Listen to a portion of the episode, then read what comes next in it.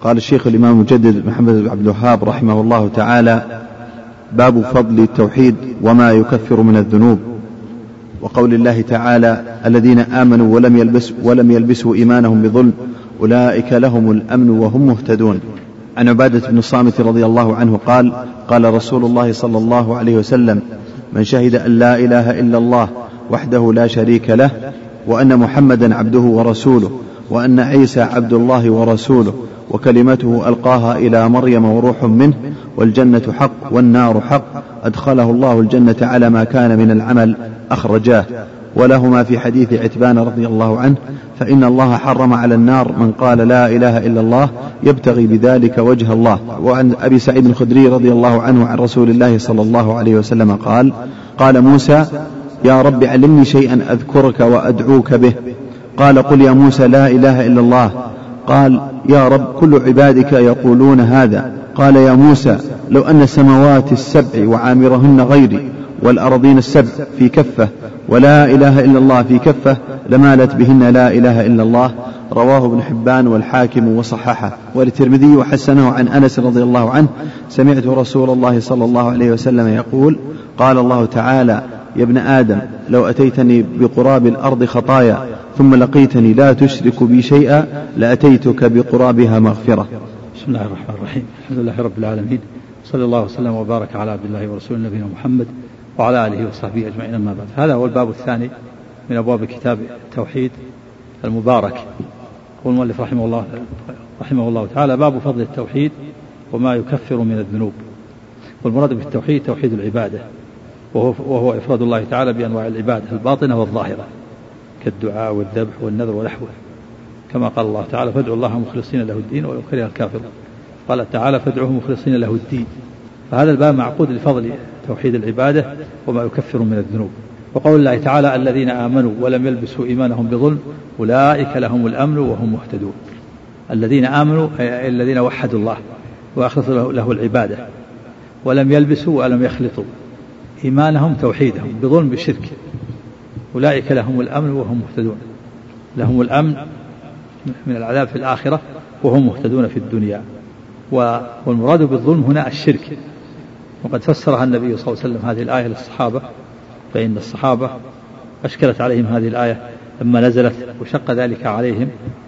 قالوا يا رسول أينا لم يظلم نفسه؟ أينا لا يظلم نفسه؟ ظنوا أن المراد المراد بالظلم ظلم العبد لنفسه. الذي هو دون الشرك. فقال النبي صلى الله عليه وسلم إنه ليس الذي تعنون. ألم تسمعوا إلى ما قال العبد الصالح؟ يا بني لا تشرك بالله إن الشرك لظلم عظيم. إنما هو الشرك. فالصحابة ظنوا أن الظلم المشروط عدمه هو ظلم العبد نفسه وأنه لا أمن ولا اهتداء إلا لمن لم يظلم نفسه. فبين لهم النبي صلى الله عليه وسلم ما دلهم على أن الشرك ظلم في كتاب الله. فلا يحصل الأمن والاهتداء إلا لمن لم يلبس إيمانه بهذا الظلم. فمن لم يلبس إيمانه بهذا الظلم كان من أهل الاهتداء كما أنه يكون من أهل الاصطفاء الذين ذكرهم الله في قوله ثم أورثنا الكتاب الذين اصطفينا من عبادنا فمنهم ظالم لنفسه ومنهم مقتصد ومنهم سابق بالخيرات بإذن الله. ذلك هو هو الفضل الكبير.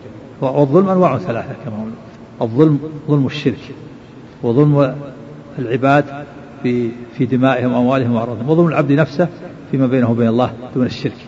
فمن سلم من أنواع الظلم الثلاثة كان له الأمن التام والهداية التامة.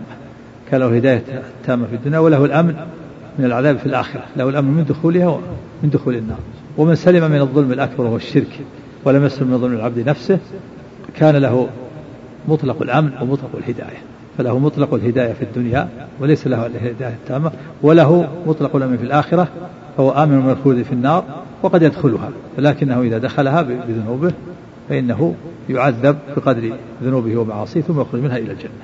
فالنبي صلى الله عليه وسلم لما أشكل على الصحابة أجابهم بأن الظلم الرافع للأمن والهداية على الإطلاق هو الشرك وهذا هو الجواب السديد فإن الظلم المطلق التام هو الشرك الذي هو وضع العبادة في غير موضعها.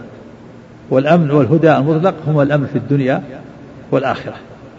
فالظلم المطلق التام رافع للأمن للأمن والظلم المطلق التام رافع للأمن وللاهتداء المطلق التام. الظلم المطلق التام هو الشرك رافع للأمن التام وللاهتداء التام. وأما مطلق الظلم فلا يرفع مطلق مطلق الأمن ولا يرفع مطلق الاهتداء ولا يمنع أن يكون مطلق الظلم مانعا من مطلق الأمن ومطلق الهدى. فالمطلق للمطلق والحصة للحصة فالظلم المطلق يمنع الأمن المطلق والهداية المطلقة. والأمن ومطلق الأمن يكون لصاحبه مطلق الهداية. مطلق الظلم يكون لصاحبه مطلق الأمن ومطلق الهداية. ثم قال المؤلف رحمه الله عن عبادة بن الصامت رضي الله عنه قال قال رسول الله صلى الله عليه وسلم من شهد أن لا إله إلا الله وحده لا شريك له وأن محمدا عبده ورسوله وأن عيسى عبد الله ورسوله وكلمته ألقاها إلى مريم وروح منه والجنة حق والنار حق أدخله وأدخله الله الجنة على ما كان من العمل أخرجاه. يعني الشيخان البخاري ومسلم. من شهد أن لا إله إلا الله يعني أقر بهذه الكلمة وتكلم بها عارفا لمعناها عاملا بمقتضاها باطنا وظاهرا. فلا بد في الشهادة من العلم واليقين والعمل بمدلولها. كما قال تعالى فاعلم أنه لا إله إلا الله. وقال سبحانه إلا من شهد بالحق وهم يعلمون. أما النطق بها من غير معرفة لمعناها ولا يقين ولا عملا بما تقتضيه من البراءة من الشرك وإخلاص القول والعمل فغير نافع بالإجماع. يقول وحده تأكيد للإثبات لا شريك له تأكيد للنفي. من شهد أن لا إله إلا الله وحده ولا شريك له وأن محمدا عبده ورسوله يعني وشهد بذلك وشهد أن محمدا عبد الله ورسوله. يقول عبد الله ورسوله أتى بهاتين الصفتين وجمعهما دفع للإفراط والتفريط فإن كثيرا ممن يدعي أنه من أمته أفرط بالغلو قولا وعملا وفرط بترك متابعته. فلا بد أن نشهد أن محمدا عبد الله ورسوله. هو عبد ورسول يطاع ويتبع. ليس ربا وليس إلها وليس كسائر الناس بل بل هو عليه الصلاة والسلام خصه الله بالنبوة والرسالة. وهو نبي كريم يطاع ويتبع ويحب وتصدق أخباره وتنفذ أوامره ويتعبد الله بما شرعه في كتابه وعلى لسان رسوله صلى الله عليه وسلم. وأن عيسى عبد الله ورسوله يعني وشهد أن عيسى عبد الله ورسوله خلافا لما يعتقده النصارى أن عيسى الله أنه الله أو ابن الله أو ثالث ثلاثة. تعالى الله عما يقولون علوا كبيرا. قال الله تعالى ما اتخذ الله من ولد وما كان معه من, إله. فلا بد أن يشهد أن عيسى عبد الله ورسوله على علم ويقين بأنه مملوك لله. خلقه الله من أنثى بلا ذكر. كما قال تعالى إن مثل عيسى عند الله كمثل آدم خلقه من تراب ثم قال له كن فيكون فليس ربا ولا إلها سبحان الله عما يشركون. وقوله وكلمته سمي إنما سمي عيسى عليه كلمة لوجوده بكلمة كن لأن الله خلق بكلمة كن. كما قال الله تعالى إن مثل عيسى عند الله كمثل آدم خلقه من تراب ثم قال له كن فيكون. وكما بين بذلك السلف من المفسرين وغيرهم كما قال الإمام أحمد رحمه الله في الرد على الجهمية قال بالكلمة التي ألقاها إلى مريم حين قال له كن فكان عيسى بكن وليس عيسى هو كن ولكنه بكن كان.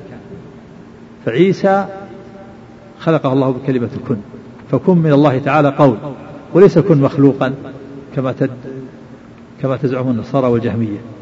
فعيسى خلقه الله بكلمة كن وليس عيسى كن كما تقول النصارى. عيسى يقولون آه، النصارى يقول عيسى نفس الكلمة فيجعلونه جزءا من الله نعوذ بالله. والجهمية يقولون كن مخلوق. كن كلمة كن مخلوق كلام الله مخلوق. والذي عليه المسلمون أن عيسى مخلوق بكلمة كن ليس هو هو كلمة ولكنه مخلوق بالكلمة. سماه الله كلمة لأن الله خلقه بالكلمة. كلمته ألقاها إلى مريم. قل ألقاها إلى مريم يعني خلقه بالكلمة التي أرسل بها جبريل إلى مريم. فنفخ فيها من روحه بأمر الله عز وجل كما ذكر الحافظ كثير وغيره.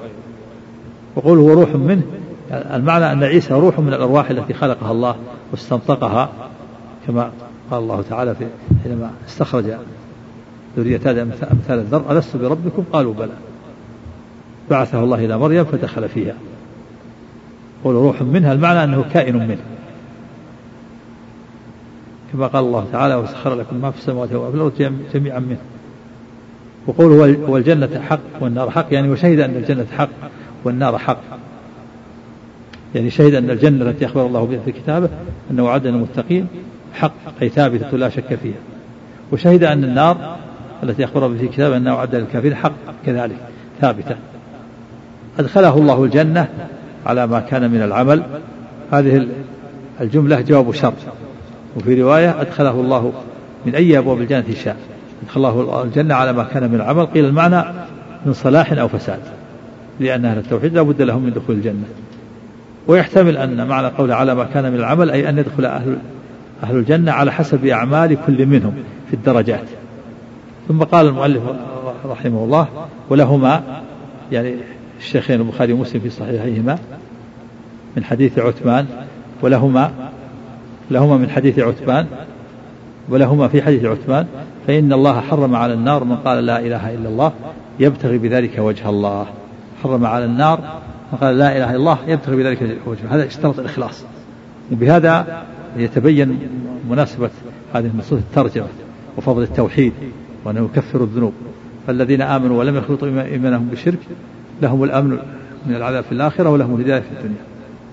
ومن وحد الله وأخلص له العبادة وشهد أن لا إله إلا الله وشهد أن محمد رسول الله وشهد أن عيسى عبد الله ورسوله وشهد أن الجنة حق والجنة والنار حق أدخل الله الله الجنة.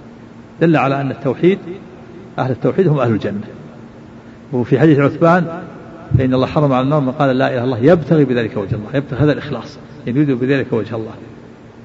وهذا يدل على فضل التوحيد وأنه يكفر الذنوب وأن من أخلص العبادة لله ووحد الله فإن الله يحرمه على النار.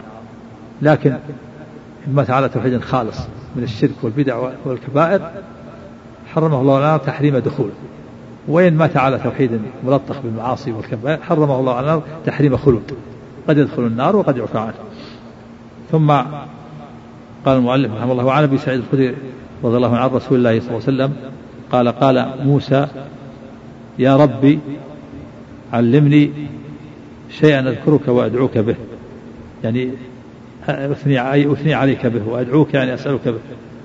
فقال الله تعالى قل يا موسى لا إله إلا الله. فيها أن الذاكر يقول بها كلها. لا إله إلا الله. ولا يقتصر على لفظ الجلالة.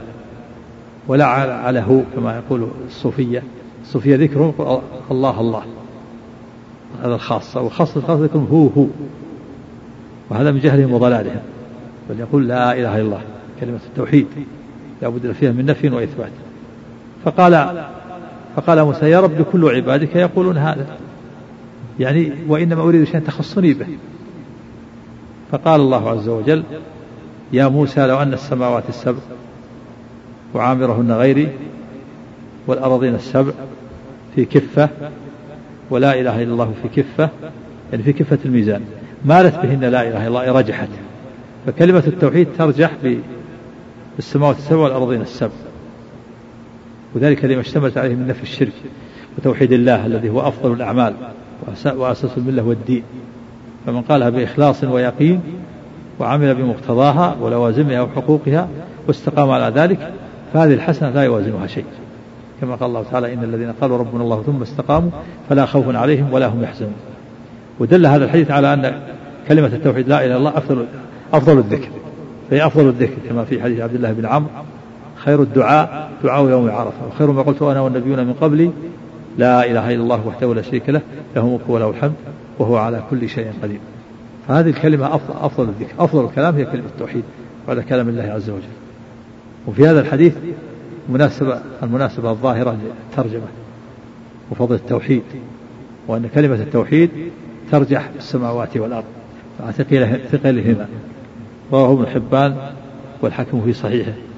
وللترمذي وحسنه عن انس رضي الله عنه سمعت رسول الله صلى الله عليه وسلم يقول قال الله تعالى يا ابن آدم لو أتيتني بقراب الأرض خطايا ثم لقيتني لا تشرك بي شيئا لاتيتك بقرابها مغفرة. هذا حديث قدسي من كلام الله عز وجل لفظا ومعنى.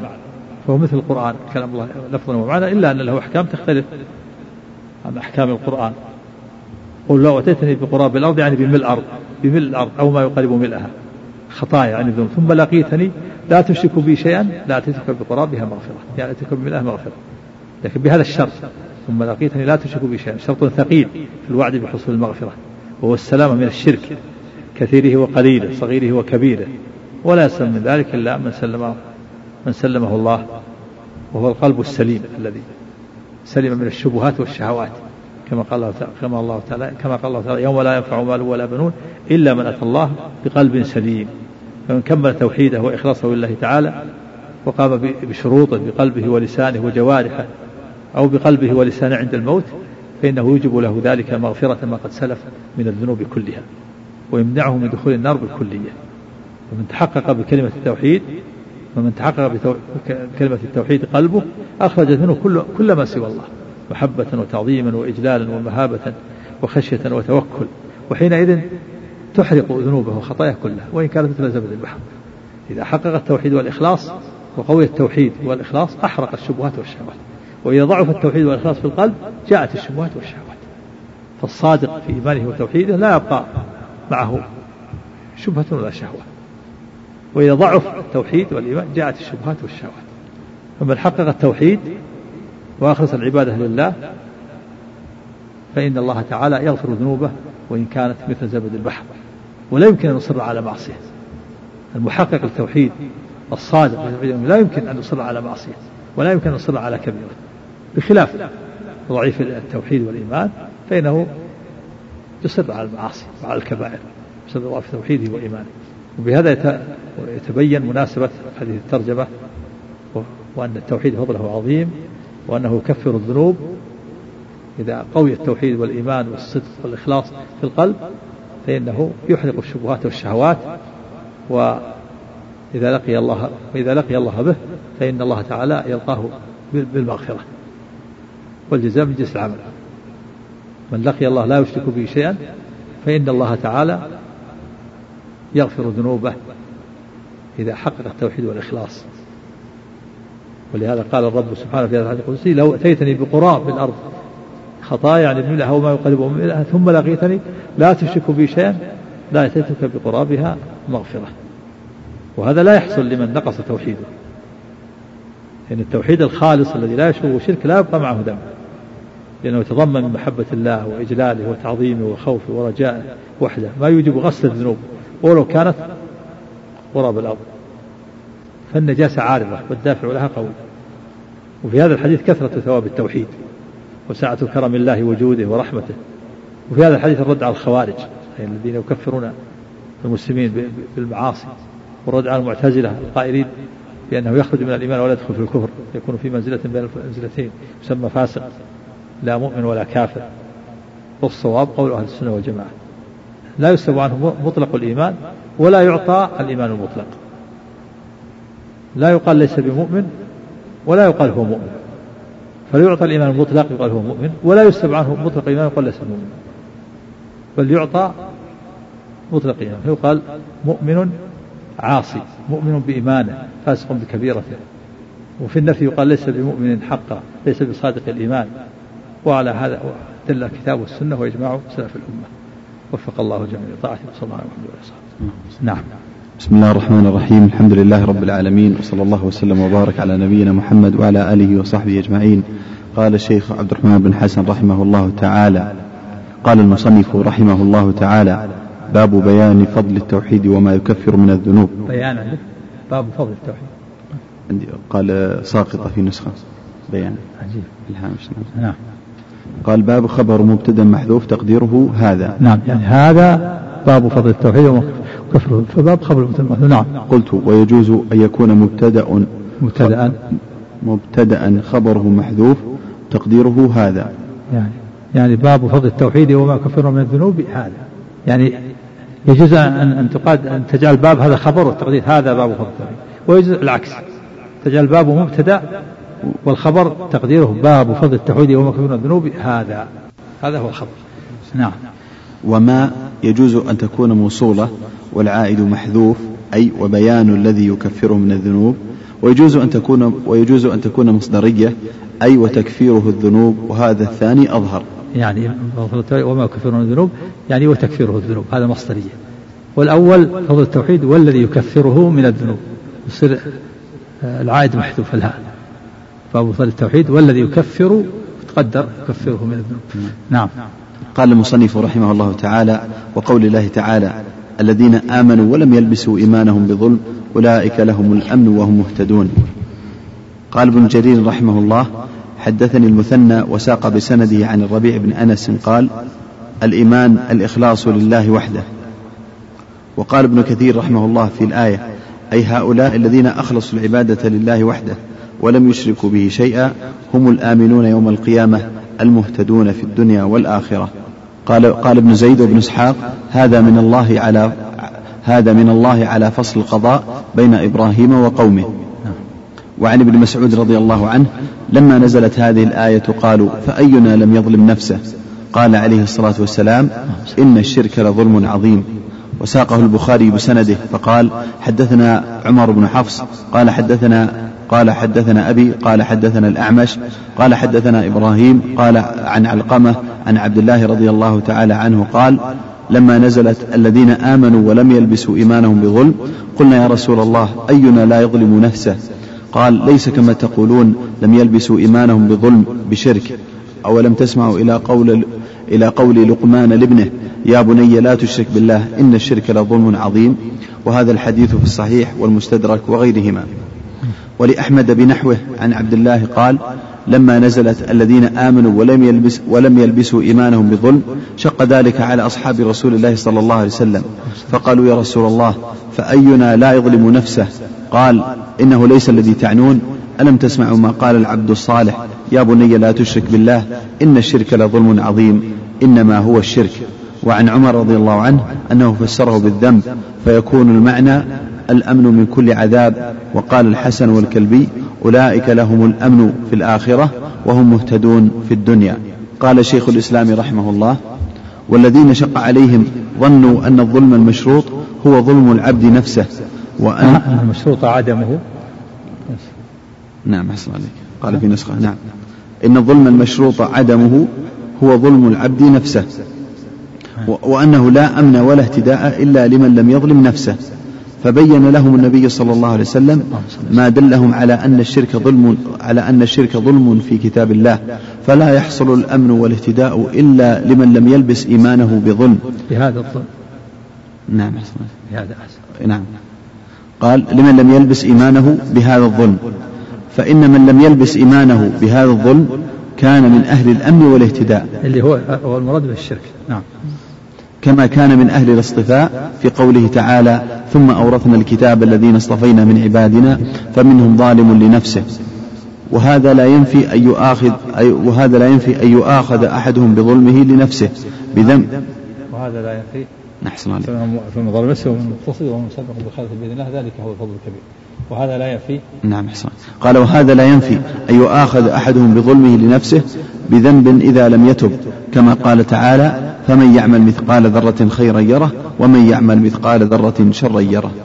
وقد سأل أبو بكر الصديق رضي الله تعالى عنه النبي صلى الله عليه وسلم فقال يا رسول الله أينا لم يعمل سوءا؟ فقال يا أبا بكر ألست تنصب؟ ألست تحزن؟ ألست أليس يصيبك اللأواء؟ فذلك ما تجزون به. قال فبين أن المؤمن الذي إذا مات دخل الجنة قد يجزى بسيئاته في الدنيا بالمصائب.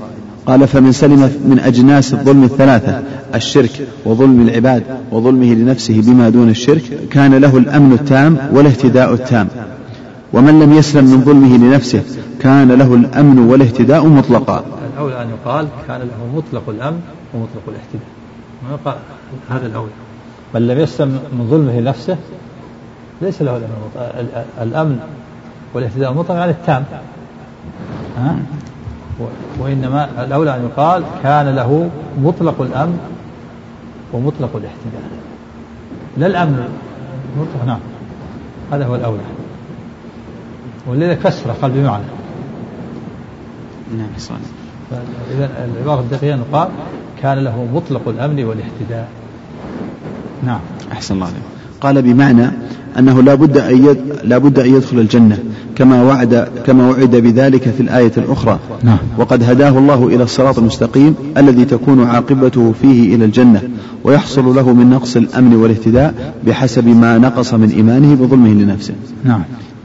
ليس مراد النبي صلى الله عليه وسلم بقوله إنما هو الشرك أن من لم يشرك الشرك الأكبر يكون له الأمن التام والاهتداء التام.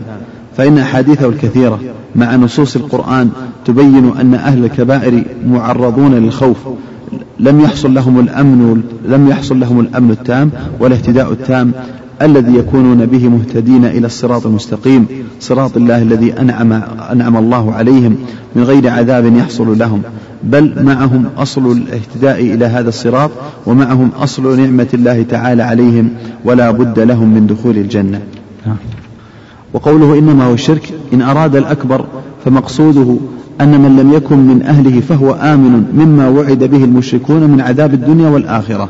وإن كان مراده جنس الشرك فيقال ظلم العبد لنفسه كبخله بحب المال ببعض الواجب هو شرك أصغر. وحبه ما يبغضه الله تعالى حتى يقدم هواه على محبة الله شرك أصغر ونحو ذلك. فهذا فاته من الأمن والاهتداء بحسبه. ولهذا كان السلف يدخلون الذنب في هذا الشرك بهذا الاعتبار انتهى ملخصا. الذنوب هذا أقول بأن الشرك آه، المعاصي كلها سمى الشرك لما فيها من الهوى. إشراك الهوى. انتهى من كتاب الإيمان. يقول الشيخ الإسلام. نعم. ولكن المعروف أن المعاصي المعاصي ما تسمى شرك. إلا ما سماه الله شركا هذا يكون شرك أصغر. إن كان شركا في العبادة أو ناقضا من نواقض الإسلام صار شركا أكبر. نعم. أحسن. ويجري عليه القاعدة إذا كان معرف أو منكر في ألفاظ لا عاد هذا في الغالب في الغالب المعرف يكون الأكبر. نعم. نعم أحسن. وقال ابن القيم رحمه الله تعالى قوله تعالى الذين آمنوا ولم يلبسوا إيمانهم بظلم أولئك لهم الأمن وهم مهتدون. قال الصحابة رضوان الله تعالى عليهم وأينا يا رسول الله لم يلبس إيمانه بظلم؟ قال ذلك الشرك. ألم تسمعوا قول العبد الصالح إن الشرك لظلم عظيم؟ فلما أشكل عليهم المراد بالظلم فظنوا أن ظلم النفس. المراد؟ أحسن الله. فلما أشكل عليهم المراد بالظلم فظنوا أن ظلم النفس داخل فيه وأن من ظلم نفسه أي ظلم كان لم يكن آمنا ولا مهتديا أجابهم صلوات الله وسلامه عليه بأن الظلم بأن الظلم الرافع للأمن والهداية على الإطلاق هو الشرك. وهذا والله هو الجواب الذي يشفي العليل ويروي الغليل. فإن الظلم المطلق التام هو الشرك الذي هو وضع العبادة في غير موضعها. والأمن والهدى المطلق هو الأمن في الدنيا والآخرة والهدى إلى الصراط المستقيم. فالظلم المطلق التام رافع للأمن والهدى المطلق التام ولا يمنع ذلك. الظلم المطلق التام هذا الشرك. رافع للأمن وللاهتداء المطلق التام رافع للهداية التامة في الدنيا فلا يكون مهتديا بل يكون ضالا ضلالا تاما. ورافع للأمن من في الآخرة فهو لا فهو آمن ليس آمن ليس معه أمن بل هو من أهل النار المخلدين فيها نعوذ بالله. نعم. ولا يمنع ذلك أن يكون مطلق الظلم مانعا من مطلق الأمن ومطلق الهدى. نعم. فتأمل. مطلق, مطلق الظلم يعني ظلم العبد لنفسه يمنع من مطلق الأمن ف... ف... فقد يحصل له دخول النار ثم يخرج منها وهو مانع من مطلق الهداية فليس له الهداية التامة بل هداية ناقصة. نعم. قال فالمطلق للمطلق والحصة للحصة. نعم. انتهى ملخصا. فالمطلق يعني فالمطلق للمطلق يعني الأمن المطلق والهداية المطلقة تكون لمن سلم من الظلم المطلق والحصة للحصة من كان عنده ظلم فله بعض الأمن فله مطلق الأمن. من كان عنده بعض أنواع الظلم دون الشرك ظلمه العباد أو ظلمه لنفسه وسلم من الشرك فعنده مطلق الأمن حصة من الأمن. وعنده مطلق الهداية ومطلق الأمن.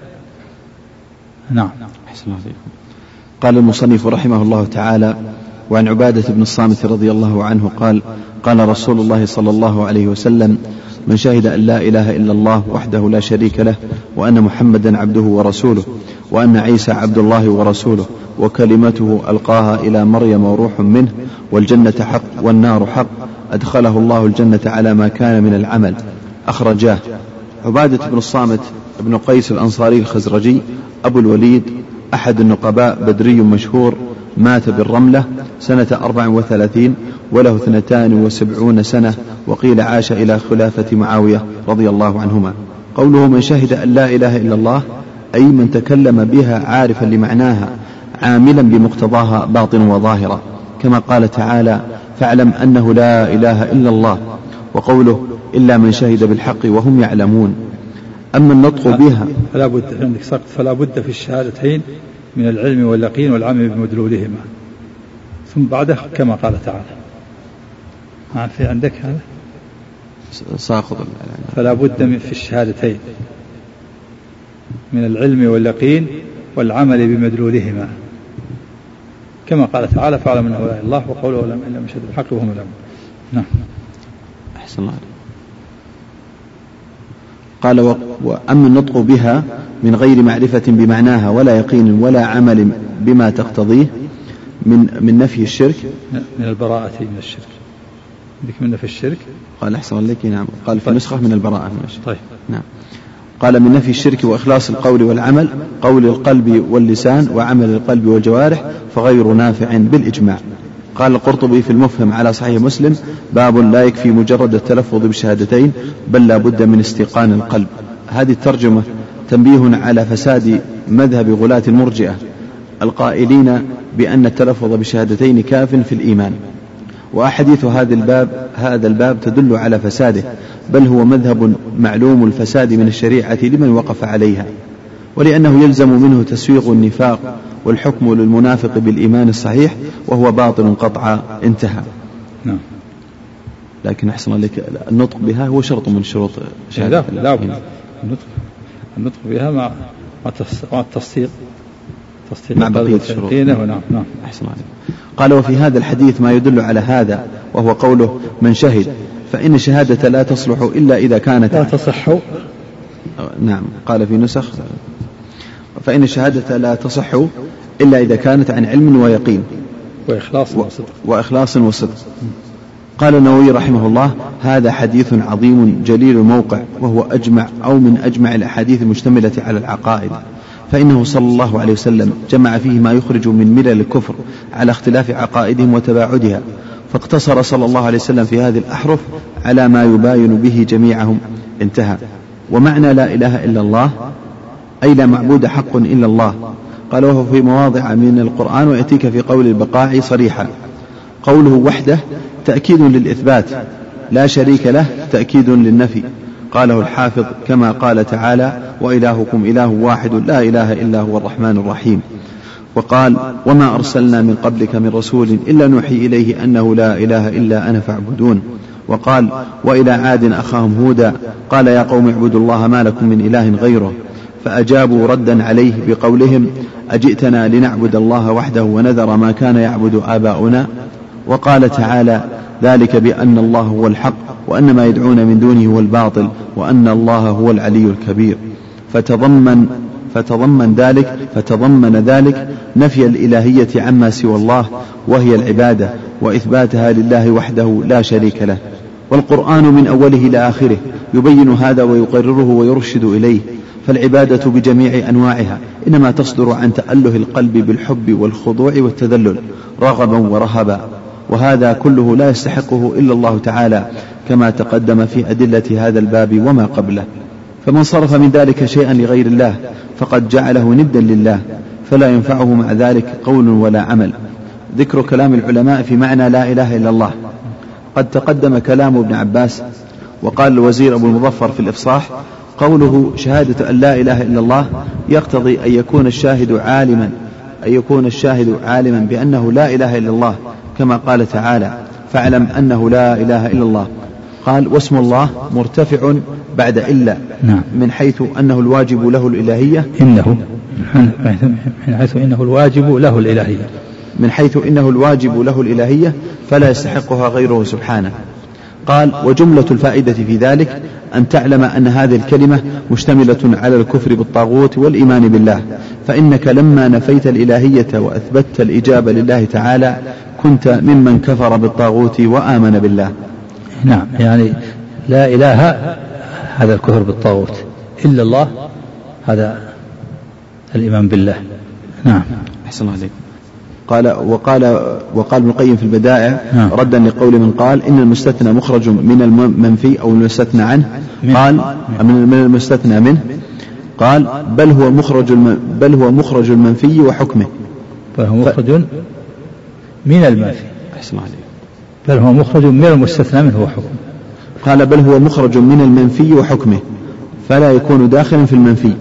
إذ لو كان كذلك لم يدخل الرجل في الإسلام بقول لا إله إلا الله لأنه لم يثبت الإلهية لله تعالى. نعم و... المعنى أن المستثنى في كلمة التوحيد المستثنى وهو الله لا إله إلا المستثنى في كلمة وهو الله ليس مخرجا من المستثنى منه وهو إله بقولك لا إله. وإنما المخرج الإلهية بالحق. ليس إله الحق إلا الله. يقولك إلا إلا الله ما هو مستثنى من إله. لا إله. لا إله استثنى يعني لا إله هذا إيش؟ هذا الإلهية الباطلة. إلا الله الإلهية بالحق. فلا يمكن يستثنى الإلهية الحق من الإله بالباطل فابن القيم يريد أن يرد على من قال أن المستثنى مخرج المستثنى منه. فلا يكون داخلا في المستثنى. إذا لو كان كذلك لم يدخل الرجل في الإسلام بقول لا إله إلا الله. لا إله إلا الله. لأنه لم يثبت الإلهية الله تعالى. فإذا فالمستثنى في كلمة المستثنى في كلمة وهو الله ليس مخرج المستثنى منه. وهو إله. وإنما المخرج الإلهية بالحق. الإلهية بالحق هذه المستثنات ليس إله الحق إلا الله. يعني يقول مخرج من المستثنى وحكمه يعني من حكم المستثنى. بل هو مخرج من المستثنى منه وحكمه يعني ومن حكم المستثنى. ومن حكم المستثنى منه. وحكمه البطلان. وهو الإلهية المنفية في قولك لا إله. حكم المستثنى منها البطلان. لا إله فقول المقيم بل هو مخرج من المستثنى منه وحكمه يعني من حكم المستثنى منه ومن حكمه. مخرج من المستثنى يعني من حكم المستثنى منه ومن حكمه وحكمه البطلان. حكم لا, إله البطلان وهو الإله الإلهية المنفية في قولك لا إله. نعم. وهذه أعظم كلمة. نعم. الله قال وهذه أعظم كلمة تضمنت بالوضع نفي الإلهية عما سوى الله. وإثباتها له بوصف الاختصاص يعني وهي كلمة التوحيد لا إله إلا الله نعم فدلالتها على إثبات إلهيته أعظم من دلالة قولنا الله إله ولا يستريب ولا يستريب أحد في هذا البتة انتهى بمعناه. يعني نقول الله إله هذا إثبات وليس في التوحيد ما يحصل بالإثبات ما يحصل إلا بالنفي والإثبات. نعم. أحسن الله عليك. قلت ولا ريب أنه لم يدخل في المنفي أصلا لأن المراد من هذه الكلمة إفراده تعالى بالإلهية في قلب الموحد وقوله وعمله كما دلت عليه الآيات المحكمات كما أخبر عن دعوة رسله أن اعبدوا الله ما لكم من إله غيره فنفوا الإلهية عما سوى الله تعالى وأثبتوها لله وحده. هذه ساقطة هذه قرأتها الأخيرة ما موجود في هنا فإنه تعالى هو المتصف بتفرده بالإلهية. وين؟ قال أبو عبد الله القرطبي ستأتي هذه؟ تأتي نعم. كل هذا ساكت قال فإنه تعالى هو نعم. المت... فقال أشار إليه الحاشية. السقط نعم فإنه تعالى قال أحسن عليك فإنه تعالى هو المتصف بتفرده بالإلهية أزلا وأبدا. كما قال تعالى ذلك بأن الله هو الحق وأن ما يدعون من دونه هو الباطل. وأخبر تعالى عن المشركين أنهم قالوا أجئتنا لنعبد الله وحده. أرادوا أن يدخلوه أرادوا أن يدخلوه في جملة آلهتهم في العبادة وأنكروا أن تكون العبادة له وحده. أرادوا. أحسن عليكم. قال أرادوا أن يدخلوه في جملة آلهتهم في العبادة. نعم. وأنكروا أن تكون العبادة له وحده مع معرفتهم أن لا إله إلا الله تبطل ذلك. وتسوية آلهتهم بالله في العبادة هو الشرك الأكبر الذي يوجب الخلود في النار. فالموحد مخالف للمشرك في قوله وفعله ونيته وهذا ظاهر وهذا ظاهر لا خفاء به بحمد الله. وقال أبو عبد الله القرطبي في تفسيره لا إله إلا الله أي لا معبود بحق إلا هو. الحق صح صح هي لا معبود بحق هذه لا بد منها. نعم معبود بحق. نعم.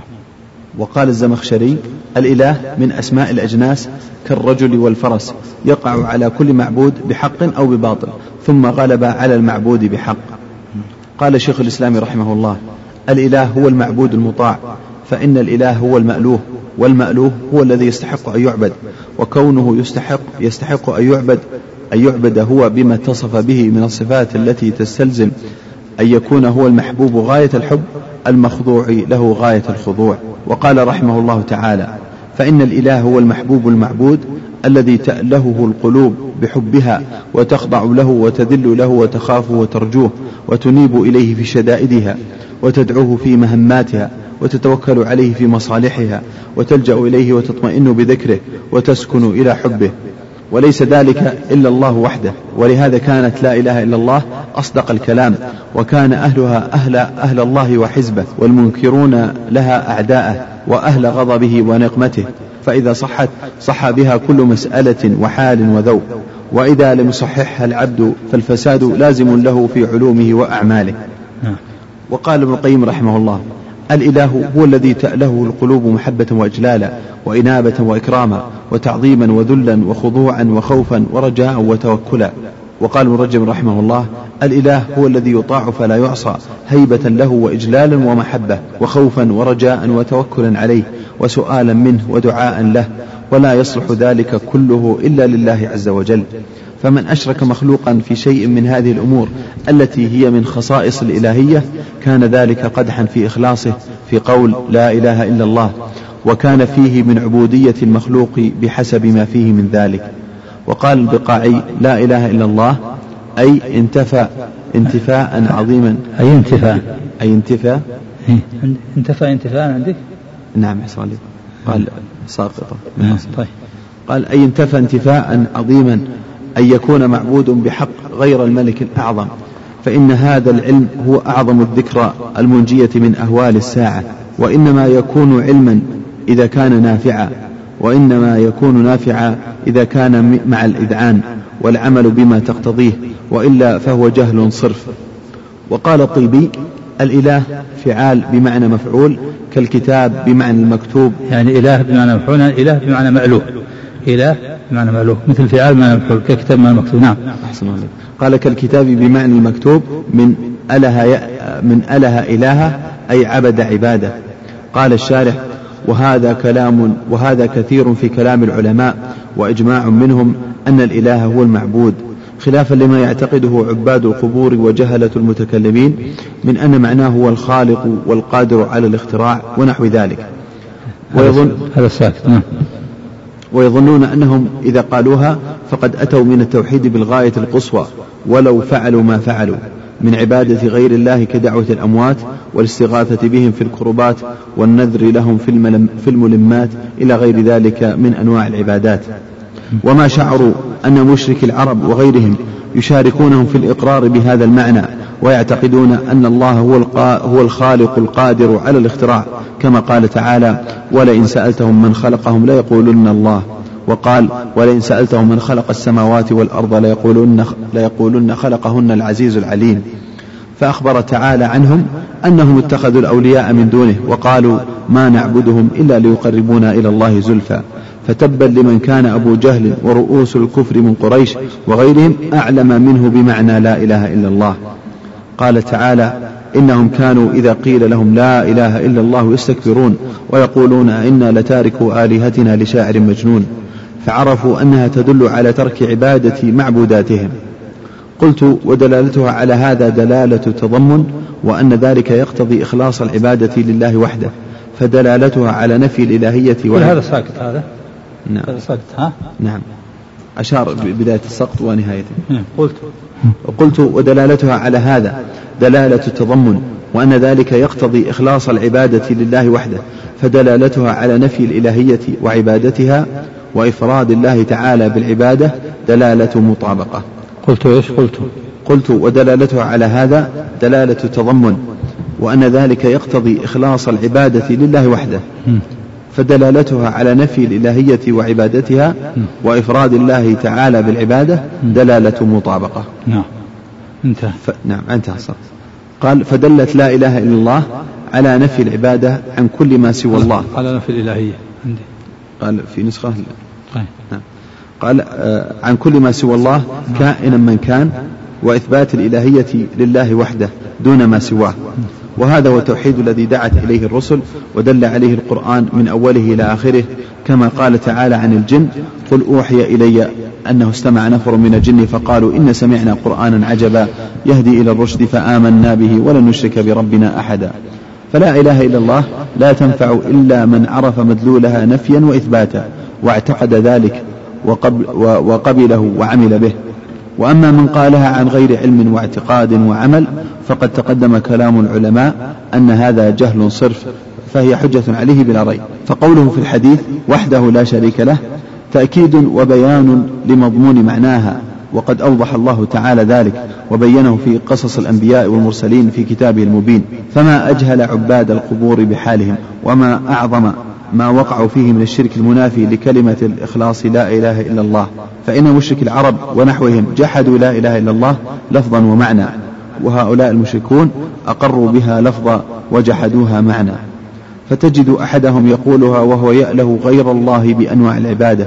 كالحب والتعظيم والخوف والرجاء والتوكل والدعاء وغير ذلك من أنواع العبادة بل زاد شركهم على شرك العرب بمراتب فإن أكثرهم إذا وقع في شدة أخلص الدعاء لغير الله تعالى ويعتقدون أنه أسرع فرجا لهم من الله.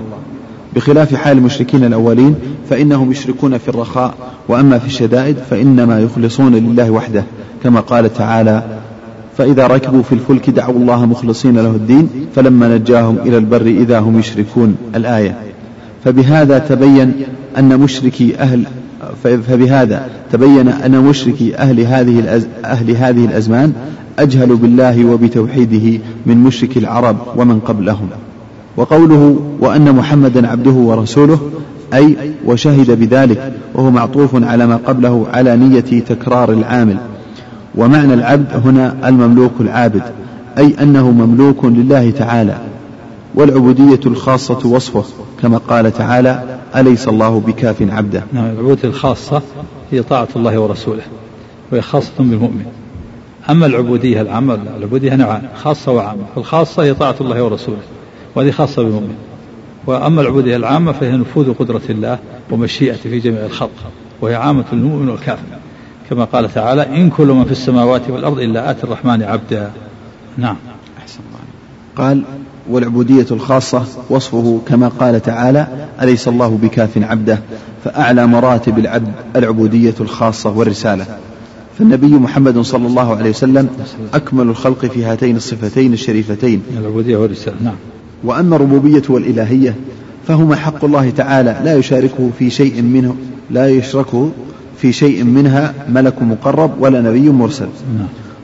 وقوله عبده ورسوله أتى بهاتين الصفتين وجمعهما دفعا للإفراط والتفريط. نعم. قوله عبده فيه رد على النصارى الذين قالوا الذين قالوا عيسى ابن الله. تعالى الله عما يقول. وقوله رسوله رد على اليهود الذين قالوا عيسى ولد بغي ولم يؤمن برسالته. نعم نعم أتى بهاتين الصفتين. أحسن الله عليك. قال وقوله عبده ورسوله أتى بهاتين الصفتين وجمعهما دفعا للإفراط والتفريط.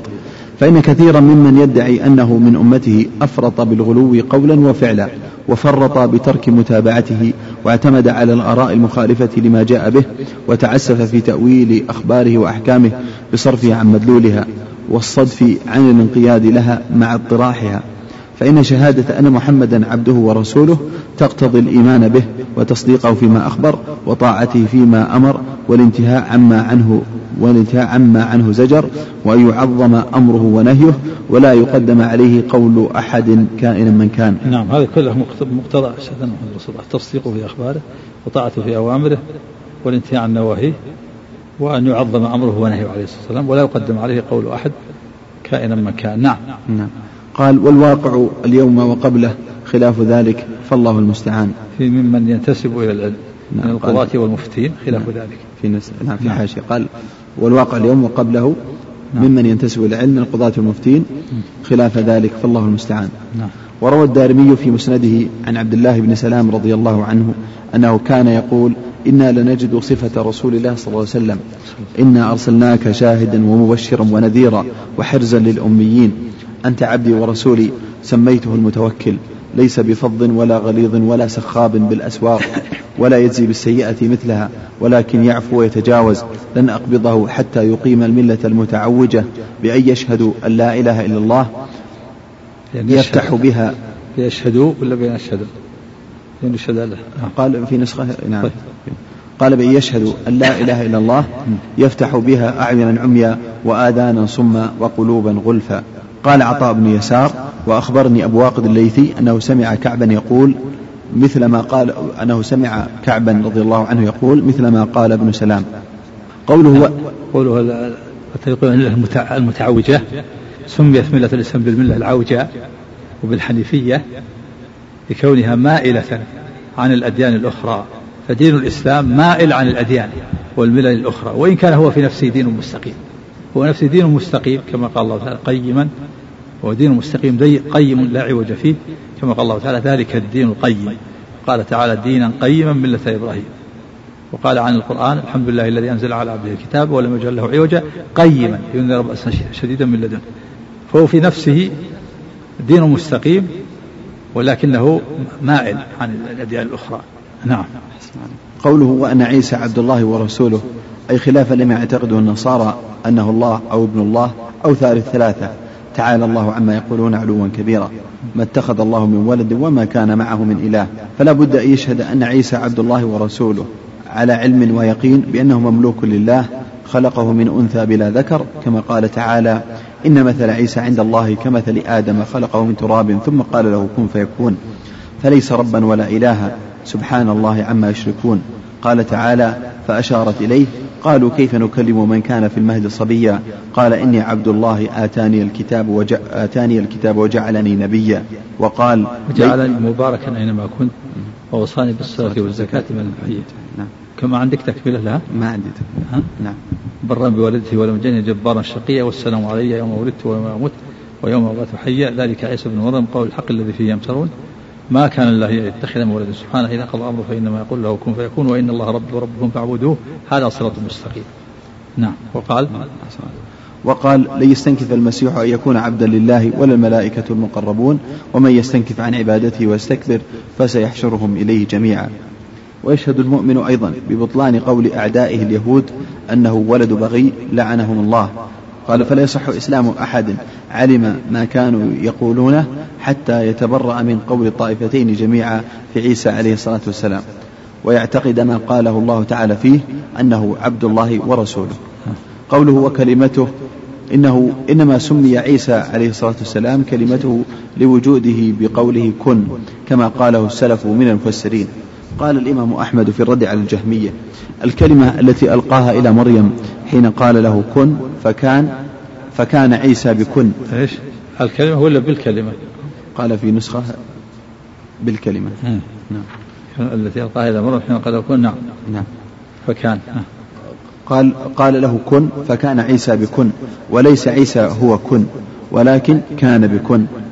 فكن من الله تعالى قولا وليس كن مخلوقا. وكذب النصارى. قولا وكن من الله تعالى قولا فكن من الله تعالى قولا. وليس كن مخلوقا نعم. وكذب النصارى والجهمية على الله في أمر عيسى انتهى وقوله ألقاها إلى مريم قال ابن كثير خلقه بالكلمة التي أرسل بها جبرائيل عليه السلام إلى مريم فنفخ فيها من روحه بأمر ربه عز وجل فكان عيسى بإذن الله عز وجل فهو ناشئ عن الكلمة التي قال له كن فكان والروح التي أرسل بها جبرائيل والروح والروح التي أرسل بها جبرائيل. الحاشية. التي أرسل بها هو جبريل. هو جبريل نعم. هو جبريل عليه السلام. قوله وروح منه قال أبي بن كعب رضي الله عنه عيسى روح من الأرواح التي خلقها الله تعالى واستنطقها بقوله ألست بربكم؟ قالوا بلى. بعثه الله إلى مريم فدخل فيها. رواه عبد بن حميد وعبد الله بن أحمد في زوائد مسند وابن جرير وابن أبي حاتم وغيرهم. قال الحافظ ووصفه بأنه منه المعنى أنه كائن منه كما في قوله تعالى وسخر لكم ما في السماوات وما في الأرض جميعا منه فالمعنى أنه كائن منه كما أن معنى الآية الأخرى أنه سخر هذه الأشياء كائنة منه أي أنه مكون أنه مكون ذلك وموجده بقدره وحكمته. قال شيخ الإسلام رحمه الله. قدره ولا بقدرته. بعلم. نعم قال في قال في نسخة بقدرته. في الحاشية. قال في حاشية. ذلك وموجده بقدرته وحكمته. نعم قال بقدرته وحكمته. نعم. قال شيخ الإسلام رحمه الله المضاف إلى الله تعالى. إذا كان معنى لا يقوم بنفسه ولا بغيره من المخلوقات وجب أن يكون صفة لله تعالى قائمة به. وامتنع أن يكون وامتنع أن تكون إضافتها إضافة مخلوق مربوب. فإذا كان المضاف عينا قائمة بنفسها كعيسى وجبرائيل عليهما الصلاة والسلام وأرواح بني آدم امتنع أن تكون صفة لله تعالى لأن ما قام بنفسه لا يكون صفة لغيره. لكن الأعيان المضافة إلى الله على وجهين. أحدهما أن تضاف إليه لكونه خلقها وأبدعها. فهذا شامل لجميع المخلوقات كقولهم سماء الله وأرض الله فجميع المخلوقين عبيد الله وجميع المال مال الله. الوجه الثاني أن يضاف إليه لما خصه به من معنى يحبه ويأمر به ويرضاه كما خص البيت العتيق بعبادة فيه لا تكون في غيره وكما يقال عن مال الفيء والخمس هو مال الله ورسوله. ومن هذا الوجه فعباد الله هم الذين عبدوه وأطاعوا أمره فهذه إضافة تتضمن ألوهيته وشرعه ودينه وتلك إضافة تتضمن ربوبيته وخلقه انتهى ملخصا. قوله والجنة حق والنار حق أي وشهد أن الجنة التي أخبر بها تعالى. يعني الإضافة الأخيرة هذه إضافة تتضمن الألوهية والشرع والشرع والدين والأولى تتضمن تتضمن إضافة الربوبية والخلق. يعني إضافة إلى كونه خلق هذه الأولى وأبدعها أي تتضمن ربوبية الخلق. ويضاف إليه لما خصه من يحبه فإضافة تتضمن ألوهيته وشرعه ودينه. نعم. قوله والجنة حق والنار حق أي وشهد أن الجنة التي أخبر بها تعالى في كتابه أنه أعدها للمتقين حق ثابتة لا شك فيها. وشهد أن النار التي أخبر بها تعالى في كتابها في كتابه أنه أعدها للكافرين حق كذلك ثابتة كما قال تعالى سابقوا إلى مغفرة من ربكم وجنة عرضها كعرض السماء والأرض. أعدت للذين آمنوا بالله ورسله. ذلك فضل الله يؤتيه من يشاء. والله ذو الفضل العظيم. وقال تعالى فاتقوا النار التي وقودها الناس والحجارة. أعدت للكافرين. وفي الآيتين ونظائرهما دليل على أن الجنة والنار مخلوقتان الآن خلافا للمبتدعة وفيهما الإيمان بالمعاد. المبتدعة هم المعتزلة الذين يزعمون أنهما تخلقان يوم القيامة. ويقال أن الآن يقولون الآن ليست مخلوقتين لأن خلقهما ولا جزاء عبث والعبث محال على الله. وهذا من جهلهم وضلالهم من قال أنها عبث أولا النصوص صريحة في أنها مخلوقة. أعدت للمتقين وأعدت للكافرين وثانيا أن أنها ليست معطلتين فالمؤمن يفتح له باب إلى الجنة فيأتي من روحها وطيبها والكافر يفتح له باب إلى النار فيأتي من عذابها وسمومها والأرواح تنعم روح المؤمن في الجنة وروح تعذب في النار. إلى غير ذلك. نعم. وفيهم الإيمان بالمعاد. نعم. نعم. قوله أدخله الله الجنة على ما كان من العمل هذه الجملة جواب الشرط. وفي رواية أدخله الله الجنة من أي أبواب الجنة ثمانية شاء قال الحافظ ومعنى قوله على ما كان من العمل أي من صلاح أو فساد. لكن أهل التوحيد لا بد لهم من دخول الجنة. لأن أهل التوحيد لكن؟ قالوا في جميع النسخ لأن والمثبت من الفتح. نعم قال لكن أهل التوحيد لا بد لهم من دخول الجنة. ويحتمل أن يكون معنى قوله على ما كان على ما كان من العمل أي يدخل أهل الجنة الجنة على حسب أعمال كل منهم في الدرجات. انتهى. قال القاضي عياض رحمه الله ما ورد في حديث عبادة يكون خصوصا لمن قال ما ذكره النبي صلى الله عليه وسلم. يكون مخصوصا؟ قال القاضي عياض ما ورد. قال يكون خصوصا وفي نسخة قال مخصوصا. مخصوصا. نعم. وما قال ما ورد في حديث عبادة يكون مخصوصا لمن قال ما ذكره النبي صلى الله عليه وسلم وقرن بالشهادتين حقيقة الإيمان والتوحيد الذي ورد في حديثه. فيكون له من الأجر ما يرجح على سيئاته ويوجب له المغفرة والرحمة ودخول الجنة لأول وهلة. قال العلامة ابن القيم رحمه الله تعالى والمقصود أن كلمة التوحيد إذا شهد بها المؤمن عارفا لمعناها وحقيقته نفيا وإثباتا متصفا بمو...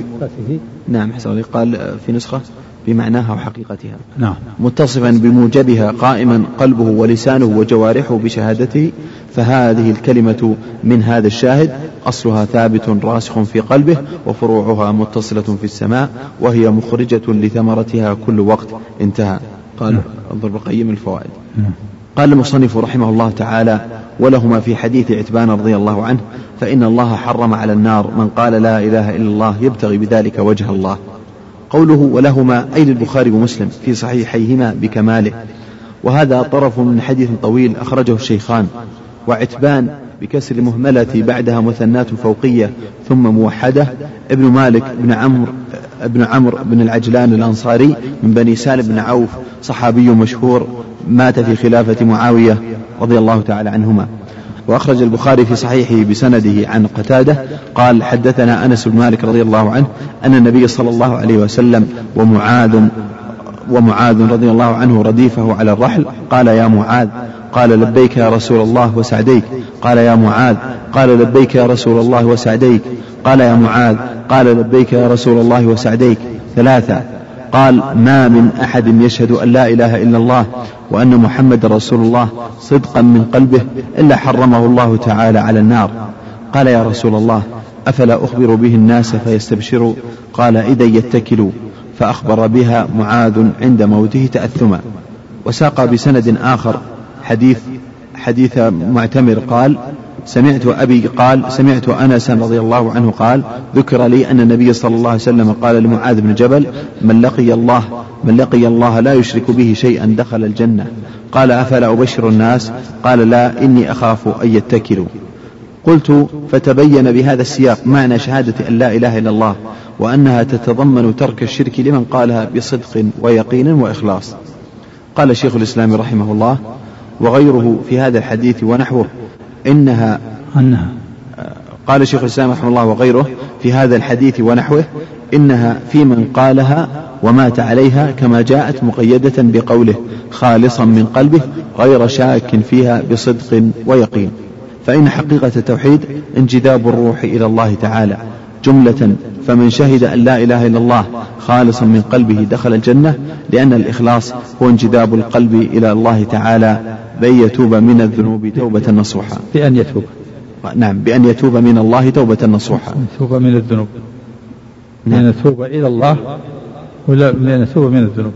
عندي قال بأن يتوب من الذنوب. بأن يتوب نعم من الذنوب. بأن يتوب من الذنوب توبة نصوحا طيب. فإذا مات على تلك الحال نال ذلك. فإنه قد تواترت الأحاديث بأنه يخرج من النار من قال لا إله إلا الله وكان في قلبه من الخير ما يزن شعيرة وما يزن خردلة وما يزن ذرة. وتواترت بأن كثيرا ممن يقول لا إله إلا الله يدخل ثم يخرج منها. قال في الحاشية يدخل النار ثم يخرج منها. إيش؟ قال وتواترت بأن كثيرا ممن يقول لا إله إلا الله يدخل النار. نعم. يدخل النار ثم يخرج منها. نعم. وتواترت بأن الله حرم على النار بأن الله حرم على النار أن تأكل أثر أن تأكل أثر السجود من, من, من ابن آدم. فهؤلاء كانوا يصلون ويسجدون لله. وتواترت بأن الله يحرم على النار من قال لا إله إلا الله وشهد أن لا إله إلا الله وأن محمد رسول الله. لكن جاءت مقيدة بالقيود الثقال وأكثر من يقولها لا يعرف الإخلاص وأكثر من يقولها إنما يقول إنما يقول إنما يقولها تقليدا أو عادة ولم يخالط الإيمان بشاشة قلبه. ولم تخالط حلاوة الإيمان بشاشة قلبه. وغالب من يفتن عند الموت وفي القبور أمثال هؤلاء كما في الحديث سمعت الناس يقولون شيئا فقلته.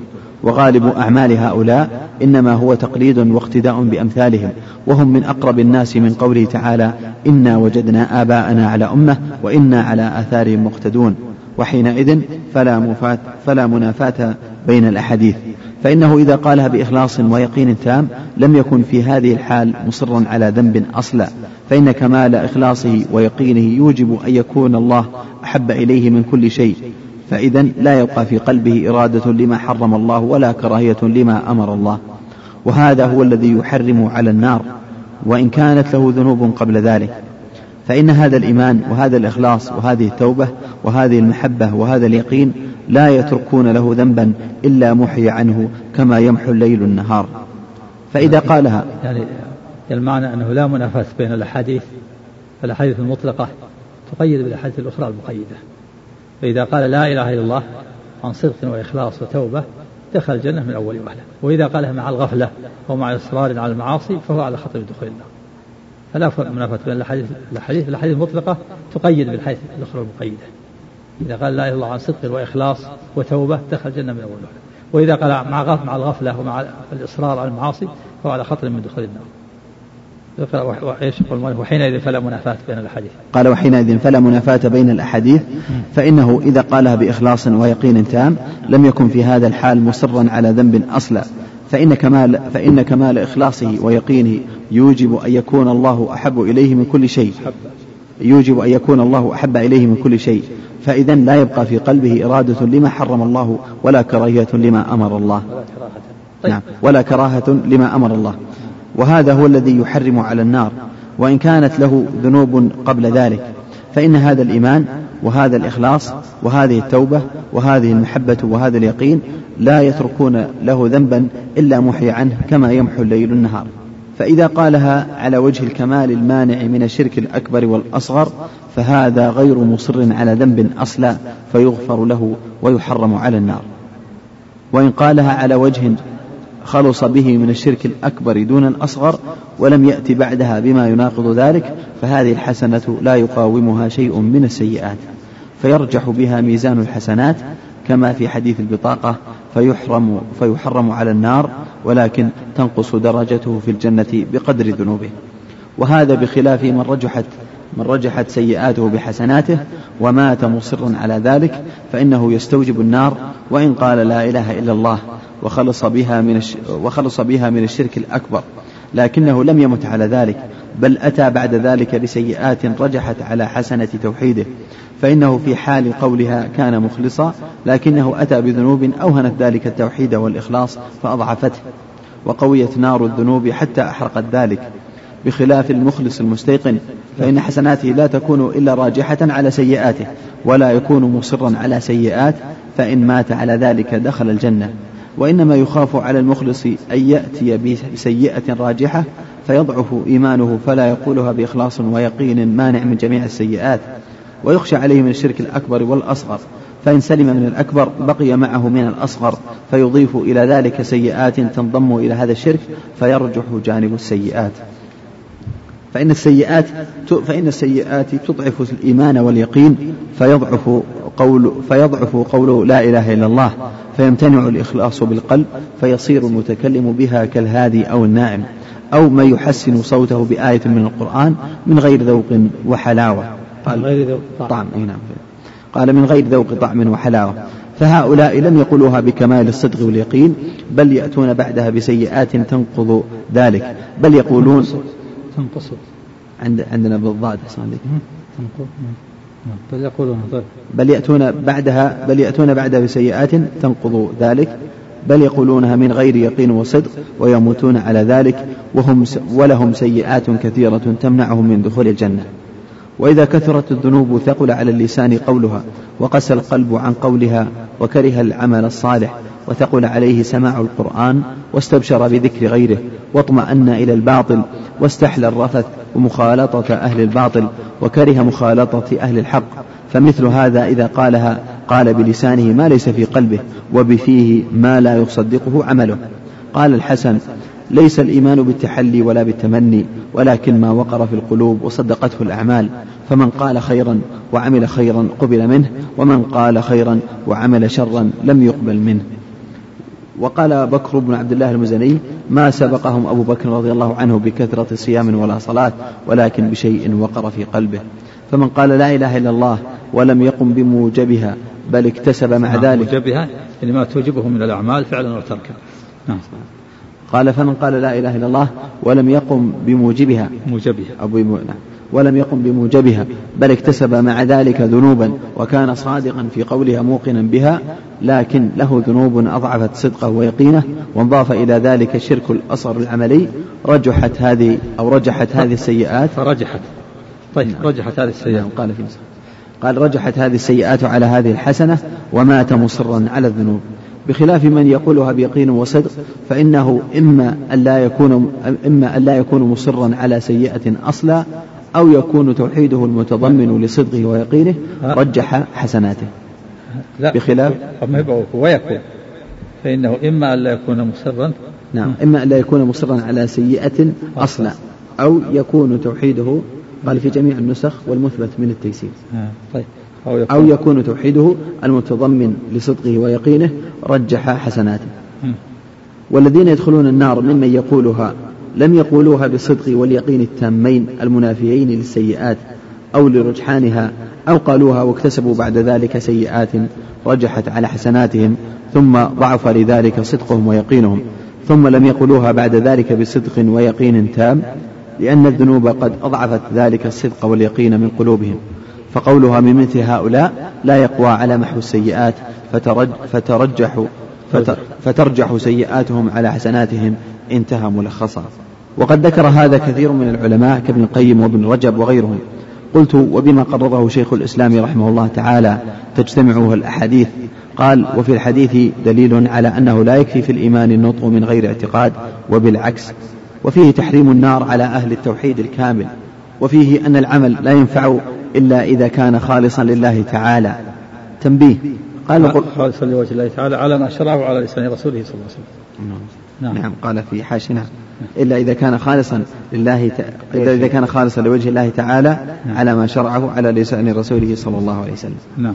تنبيه قال القرطبي في تذكرته قوله في الحديث من إيمان أي من أعمال الإيمان التي هي من أعمال الجوارح فيكون فيه دلالة على أن الأعمال الصالحة من الإيمان والدليل على أن إراد على أنه أراد بالإيمان ما قلناه ولم يرد مجرد الإيمان الذي هو التوحيد ونفي الشركاء والإخلاص بقوله لا إله إلا الله ما في الحديث ما في الحديث نفسه من قوله أخرجوا ثم بعد ذلك يقبض سبحانه قبضة فيخرج قوما لم يعملوا خيرا قط. يريد بذلك إلا التوحيد المجرد من الأعمال.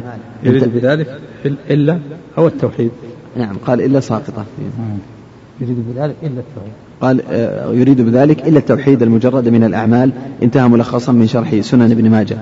قال المصنف رحمه الله تعالى وعن أبي سعيد الخدري رضي الله تعالى عنه عن رسول الله صلى الله عليه وسلم قال قال موسى يا رب علمني شيئا أذكرك أذكرك وأدعوك به قال قل يا موسى لا إله إلا الله قال كل عبادك قال كل عبادك قال يا ربي كل عبادك. يا ربي قال يا ربي. قال يا ربي كل عبادك يقولون هذا قال يا موسى لو أن السماوات السبع وعامرهن غيري والأراضين السبع في كفة ولا إله إلا الله في كفة مالت بهن لا إله إلا الله. رواه ابن, رواه ابن حبان والحاكم وصححه. أبو سعيد اسمه سعد بن مالك بن سنان بن عبيد الأنصاري الخزرجي صحابي جليل وأبوه كذلك. استصغر أبو سعيد بأحد وشهد ما بعدها. مات بالمدينة سنة ثلاث أو أربع أو خمس وستين وقيل سنة أربع وسبعين رضي الله تعالى عنه. قوله أذكرك أي أثني عليك وأدعوك أي أسألك به. قوله قل يا موسى لا إله إلا الله. فيه أن الذاكرة يقولها كلها ولا يقتصر الذاكرة بها. نعم. نسخة ثانية أن الذاكرة بها. نعم. نعم. قال في نسخة. نعم. فيه أن الذاكر بها يقولها كلها ولا يقتصر على لفظ الجلالة ولا على هو كما يفعله غلاة جهال المتصوفة فإن ذلك بدعة وضلالة. ضلال وضلالة.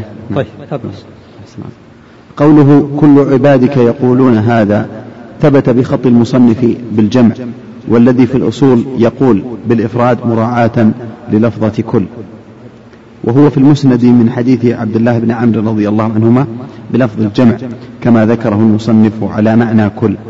ومعنى كل عبادك يقولون هذا. ومعنى قوله؟ نعم قال ومعنى قوله كل عبادك يقولون هذا إنما أريد شيئا. أي, أي إنما أريد. نعم قال في نسخة أي إنما أريد شيئا تخصني به من بين تخصني به من بين عموم عبادك. نعم. وفي رواية بعد قوله كل عبادك يقولون هذا قل لا إله إلا الله قال لا إله إلا أنت. يا رب إنما أريد شيئا تخص تخصني به. ولما كان بالناس بل بالعالم كل بل بالعالم كله من الضرورة إلى لا إله إلا الله ما لا نهاية له كانت من أكثر الأذكار وجودا وأيسرها حصولا وكانت من أكثر الأذكار وجودا وأيسرها حصولا وأعظمها معنى. والعوام والجهال يعدلون عنها إلى الدعوات المبتدعة التي ليست في الكتاب ولا في السنة. قوله وعامرهن غيري هو بالنصب عطف على السماوات أي لو أن السماوات السبع ومن فيهن من العمار غير الله تعالى. والأراضين السبع ومن فيهن وضعوا في كفة الميزان ولا إله إلا الله في الكفة الأخرى مالت بهن لا إله إلا الله. وروى الإمام أحمد عن عبد الله بن عمرو رضي الله عنهما عن النبي صلى الله عليه وسلم أن نوحا قال لابنه عند موته آمرك بلا إله إلا الله. فإن السماوات السبع والأرضين السبع لو وضعت في كفة ولا إله إلا الله في كفة رجحت بهن لا إله إلا الله. ولو أن السماوات السبع والأرضين السبع كن حلقة مبهمة قصمتهن لا إله لفصمتهن. نعم قال في الحاشية لقصمتهن. إيه لفصمتهن لا إله بالفاء باللام لفصم إيه لفصمتهن. عندي بالقاف. في القاف في المتن والحاشية. إيه. محتمل. قصمتهن يعني قطعته والفصل يمكن مسند يمكن يرجع مسند نعم يراجع المسند. نعم نعم. قال الحديث. نعم. أحسن عليكم. قال ولو أن السماوات السبع والأرضين السبع كن حلقة مبهمة لقصمتهن لا إله إلا الله. قوله في كفة هو بكسر الكاف وتشديد الفاء أي كفة الميزان. قوله مالت بهن أي رجحت. وذلك لما وذلك لما اشتملت عليه من نفي الشرك وتوحيد الله الذي هو أفضل الأعمال وأساس الملة والدين. فمن قالها بإخلاص ويقين وعمل بمقتضاها ولوازمها وحقوقها واستقام على ذلك فهذه الحسنة التي لا يوازنها شيء. كما قال تعالى إن الذين قالوا ربنا الله ثم استقاموا فلا خوف عليهم ولا هم يحزنون. ودل الحديث على أن لا إله إلا الله أفضل الذكر. كحديث عبد الله بن عمرو مرفوعا خير الدعاء دعاء يوم عرفة وخير ما قلت أنا والنبيون من قبلي لا إله إلا الله وحده لا شريك له له الملك وله الحمد وهو على كل شيء قدير رواه أحمد والترمذي. وعنه أيضا مرفوعا يصاح برجل من أمتي على رؤوس الخلائق يوم القيامة فينشر له تسعة وتسعون سجلا كل سجل منها مد البصر. ثم يقال أتنكر من هذا شيئا؟ فيقول لا يا رب. فيقال ألك عذر أو حسنة؟ فيهاب. قولها أظلمك كتبت الحافظون. ثم نعم. يقال أتنكر من هذا شيئا؟ بعد أظلمك كتبت الحافظون. نعم أثبتها في الحاشية. موجودة في الحديث. نعم. نعم. قال أتنكر من هذا شيئا؟ أظلمك كتبت الحافظون. فيقول لا يا رب. فيقال ألك عذر؟ أفلك عذر؟ نعم أفلك عذر أو حسنة؟ فيهاب الرجل فيقول لا فيقال بل إن لك فيقال بلى. أحسن عليك. نعم. قال فيقال بلى إن لك عندنا حسنة وإنه لا ظلم عليك. فيخرج. لا ظلم عليك اليوم. أحسن الله عليك. قال وإنه لا ظلم عليك اليوم. فيخرج له بطاقة فيها أشهد أن لا إله إلا الله وأشهد أن محمدا عبده ورسوله. فيقول يا رب ما هذه البطاقة؟ ما هذه السجلات؟ فيقال إنك لا تظلم. فتوضع السجلات في كفة والبطاقة في كفة فطاشت السجلات وثقلت البطاقة. رواه الترمذي وحسنه والنسائي وابن حبان والحاكم وقال صحيح على شرط مسلم وقال الذهبي في تلخيصه صحيح. نعم وهذا الحديث يعرف بحديث البطاقة. وهو هذا الحديث من أرجى أحاديث الوعد لأهل, لأهل الكبائر وأرجى أرجى حديث للمؤمنين. ومعلوم أن كل إنسان له مثل هذه البطاقة كل مؤمن كل مؤمن له مثل هذه البطاقة. أشهد أن الله وأشهد أن محمدا رسول الله. وكثير منهم ترجح السيئات. فلماذا؟ لأن صاحب هذه البطاقة قالها عن إخلاص وتوبة. أحرقت هذه الشبهات قالها عند الموت عن توبة. أو قال عن توبة فلهذا قال عن إخلاص وصدق ويقين. فلهذا رجحت هذه البطاقة. نعم. يعني ثقل كفة البطاقة بحسب ما يقوم بالقلب نعم. بحسب ما يقوم بالقلب من الإخلاص والصدق وقوة اليقين مع والتوبة. نعم. أحسن الله قال ابن القيم رحمه الله تعالى فالأعمال لا تتفاضل بصورها وعددها وإنما تتفاضل بتفاضل ما في القلوب فتكون صورة العملين واحدة وبينهما من التفاضل كما بين السماء والأرض. قال تأمل حديث البطاقة التي توضع في كفة ويقابلها تسعة وتسعون سجلا كل سجل منها مد, مد, مد البصر فتثقل. مد البصر نعم. أو مدى في نسخ في نسخ نعم. نعم. قال وأثبت الأصل. قال فتثقل البطاقة وتطيش السجلات فلا يعذب.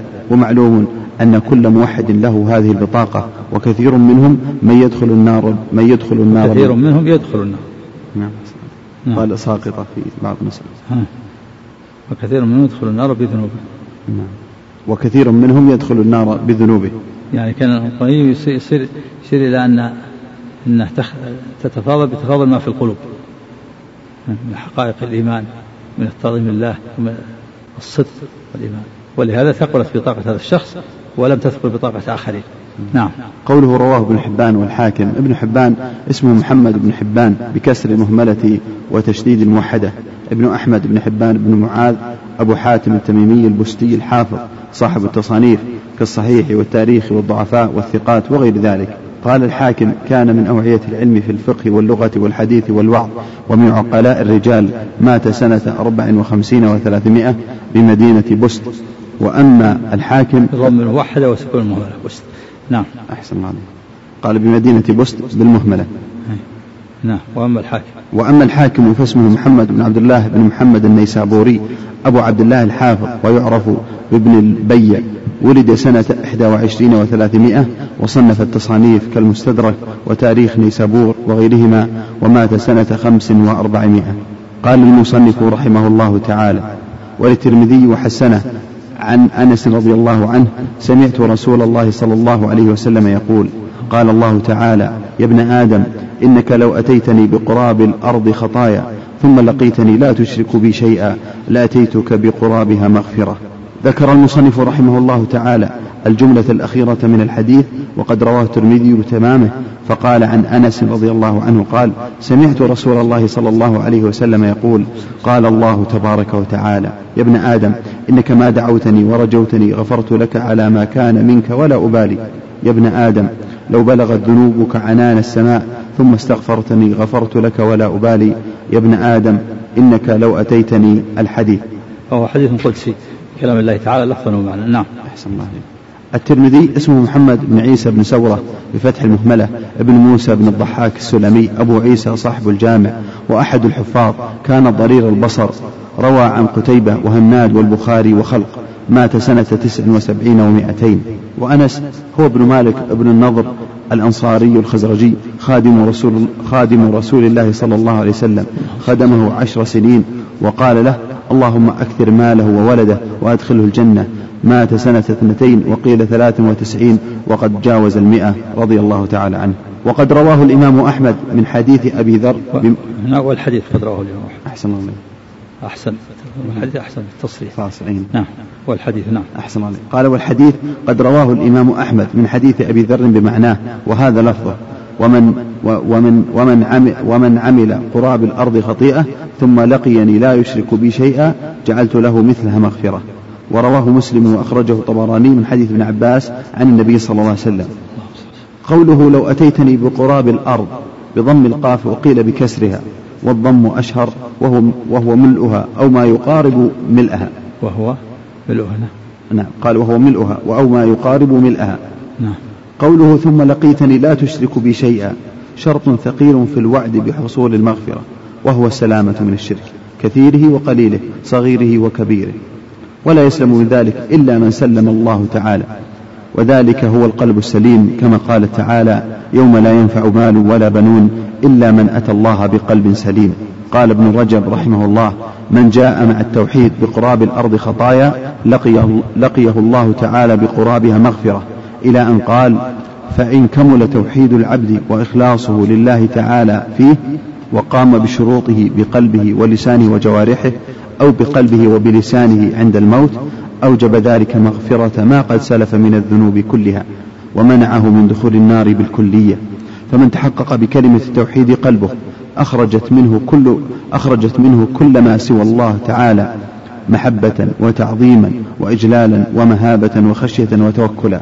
وحينئذ تحرق ذنوبه وخطاياه وحينئذ تحرق أو تحرق تحرق تحرق ذنوبه وخطاياه كل وخطاياه كلها. وإن وتحرق ذنوبه وخطاياه كلها وإن كانت مثل زبد البحر انتهى ملخصا قال العلامة ابن القيم رحمه الله تعالى في معنى الحديث ويعفى لأهل التوحيد المحض الذي لم يشوبوه بالشرك ما لا يعفى لمن ليس كذلك. ولو لقي الموحد الذي لم يشرك بال فلو نعم فلو لا أحسن الله طيب. قال قال في الحاشية فلو. طيب. ولو لقي الموحد الذي لم يشرك بالله شيئا البتة ربه بقراب الأرض خطايا أتاه بقرابها مغفرة ولا يحصل هذا لمن نقص توحيده. فإن التوحيد الخالص الذي لا يشوبه شرك لا يبقى معه ذنب لأنه يتضمن من محبة الله وأجلاله وتعظيمه وخوفه ورجائه ما يوجب غسل الذنوب. ورجائه وحده. أحسن الله عليك. نعم. قال في الحاشية ورجائه وحده. نعم. لأنه يتضمن من محبة الله وأجلاله وتعظيمه وخوفه ورجائه وحده ما يوجب غسل الذنوب ولو كانت قراب الأرض. فالنجاسة عارضة والدافع لها قوي. انتهى. إن التوحيد مع الصدق والإخلاص لا يصر صاحبه على معصية وكبيرة. التوحيد مع الصدق والإخلاص لا يصر صاحبه على معصية وكبيرة بل يكون تائبا نادما. أو أو أو التوحيد الذي قام بحقوقه بأداء الواجبات وترك المحرمات يغفر لصاحبه ويدخل الجنة من أول وهلة. أما مع الغفلة فإنه يضعف يضعف إخلاصه وصدقه ويقينه فيصر على المعاصي ويقصر في الواجبات فيكون مستحقا للوعيد ويكون تحت مشيئة الله كما قال الله تعالى ويغفر ما دون ذلك لمن يشاء وهذا هو الجمع بين النصوص. أن التوحيد مع الصدق والإخلاص ما يبقى ما يصر على المعصية أبدا لا بد أن يتوب. لكن مع الغفلة والإعراض تأتي المعاصي يكون مستحق الوعيد. نعم. قال وفي هذا الحديث كثرة ثواب التوحيد وسعة كرم الله وجوده ورحمته والرد على الخوارج الذين يكفرون المسلم بالذنوب وعلى المعتزلة القائلين بالمنزلة بين المنزلتين وهي الفسوق ويقولون ليس بمؤمن ولا كافر ويخلد في النار. والصواب قول أهل السنة أنه لا يسلب عنه اسم الإيمان ولا يعطاه على الإطلاق بل يقال هو مؤمن عاص أو مؤمن بإيمانه فاسق بكبيرته وعلى هذا يدل الكتاب والسنة وإجماع سلف الأمة. لا يسلب عنه اسم الإيمان فلا يقال ليس بمؤمن لأن هذا يوافق مذهب الخوارج المعتزلة ولا يعطى مطلقا لمن يقول هو مؤمن بإطلاق لأن هذا يوافق مذهب المرجئة. بل بد من التقييد في النفي والإثبات. في النفي يقال ليس بمؤمن حقا ليس بصادق الإيمان. في الإثبات يقال مؤمن ناقص الإيمان. مؤمن ضعيف الإيمان. مؤمن بإيمان فاسق بكبيرته. نعم. وعن عبد الله بن مسعود رضي الله عنه قال لما أسري برسول الله صلى الله عليه وسلم انتهي به إلى سدرة المنتهى فأعطي ثلاثا أعطي الصلوات الخمس وخواتيم سورة البقرة وغفر لمن يشرك وغفر لمن لا يشرك بالله من أمته شيئا المقحمات. رواه مسلم. قال ابن كثير رحمه الله في تفسيره وأخرج الإمام أحمد والترمذي وابن ماجه والنسائي عن أنس بن مالك رضي الله عنه قال قرأ رسول الله صلى الله عليه وسلم هذه الآية هو أهل التقوى وأهل المغفرة وقال قال ربكم أنا أهل أن أتقى فلا يجعل معي إله فمن اتقى فمن اتقى أن يجعل معي إلها كان أهلا أن أغفر له قال المصنف رحمه الله تعالى تأمل الخمس اللواتي في حديث عبادة فإنك إذا جمعت بينه وبين حديث عتبان تبين لك معنى قول لا إله إلا الله وتبين تبين لك معنى قول لا إله إلا الله وتبين لك خطأ المغرورين. الخمس اللواتي في حديث عبادة من شهد أن لا إله إلا الله وأن محمدا عبده ورسوله وأن عيسى عبد الله ورسوله وأن الجنة حق والنار حق. هذه خمسة شهد أن لا إله إلا الله هذه واحد. وأن محمدا عبده ورسوله اثنين. وأن عيسى عبد الله ورسوله وأن الجنة حق أربعة. وأن الخمس وأن, وأن النار حق هذه الخامسة. تأمل الخمس اللواتي هذه عبادة إذا جمعت بينه وبين حديث عتبان عتبان يقول فإن الله حرم على النار ما قال لا إله إلا الله يبتغي بذلك وجه الله. فالذي يؤمن بهذه الخمس فإنه يقولها عن إخلاص. يعني من قال لا إله إلا الله يبتغي بذلك وجه الله لا بد من قال لا إله يبتغي بذلك وجه الله لا بد أن يكون بهذه الخمس ولا يمكن أن يقول لا إله إلا الله وجه الله وهو لا يشهد أن محمدا رسول الله ولا يشهد أن عيسى عبد الله ورسوله. بل يقول إن عيسى ابن الله ما يمكن أو ينكر الجنة أو ينكر النار لا يمكن. فالحديثان متوافقان. فالذي يؤمن بالخمس هو هو المخلص. والمخلص لا بد أن يؤمن بالخمس. ولهذا قال المؤلف رحمه الله إذا جمعت بينها تبين لك معنى قول لا إله إلا الله وتبين لك خطأ المغرورين. نعم. أحسن الله قال وفيه أن الأنبياء يحتاجون للتنبيه على فضل لا إله إلا الله. يعني كما عن موسى قال لما قال يا ربي أذكرك موسى من أولي العزم. قال يا ربي علمني شيئا أذكرك أدعوك به. نعم. والتنبيه لرجحانها بجميع المخلوقات مع أن كثيرا ممن يقولها يخف ميزانه وفيه إثبات الصفات خلافا للمعطلة. خلافا للمعطلة. من أين يؤخذ إثبات الصفات؟ بين الرب سبحانه وتعالى. لابد أن يكون بالصفات. لابد أن تصف بالصفات وأنه غفور وأنه رحيم. لأنه يؤمن بالجنة ويؤمن بالنار. لابد من الخوف والرجاء والخوف والرجاء لابد من إثبات الأسماء والصفات. ومن عصاني فإنك غفور رحيم. فلا يمكن أن اللي يؤمن بهذه الخمس لابد يكون عنده خوف ورجاء يثبت الصفات. نعم. أحسن الله قال وفيه أنك إذا عرفت حديث أنس عرفت أن قوله في حديث عتبان إن الله حرم على النار من قال لا إله إلا الله يبتغي بذلك وجه الله أنه ترك الشرك ليس قولها باللسان. انتهى. نسخة هذه في, في أنك إذا عرفت حديث أنس وقوله في حديث عثمان إن الله حرم على النار. حديث أنس حديث أنس حديث أنس الأخير هذا نعم نعم. يا ابن لا تتني بقول ربنا ثم لقيت لا تشرك بشيء لا تشرك بقربها مغفرة. إذا حضرت حديث أنس عرفت أن قوله قال في الحاشية إضافة من كتاب التوحيد. في أنك إذا عرفت حديث, حديث أنس مش عندك؟ عرفت أن جعل بين معكوفتين. قال إضافة من كتاب التوحيد. إذا عرفت أن حديث أنس وقوله في حديث عثمان. وعندك عرفت أن حديث عثمان؟ عرفت أن قوله في حديث عثمان. إن الله حرم على النار قال لا الله يبتغي بذلك وجه الله. عرفت أن قوله في حديث عثمان إيش؟ عرفت عرفت أن قوله في حديث عتبان إيه. إن الله حرم على النار من قال لا إله إلا الله يبتغي بذلك وجه وجه الله أنه ترك ترك الشرك. كذا أنه ترك إيه. الشرك اي قال في الحاشية تبين لك وأثبت فقط أنه تبين إيه. لك أن. متقارب في نسخة عرفت حديث أنس وقوله في عثمان إن الله حرم على النار قال لا الله يبتغي بذلك تبين لك أن ترك الشرك ليس قولها باللسان فقط. يعني ليس قول قول لا إله إلا الله باللسان هو ترك الشرك. ترك الشرك لابد يكون في عمل يترك. نعم. أحسن الله عليكم. انتهى فيه مسائل؟ قال فيه مسائل. نعم.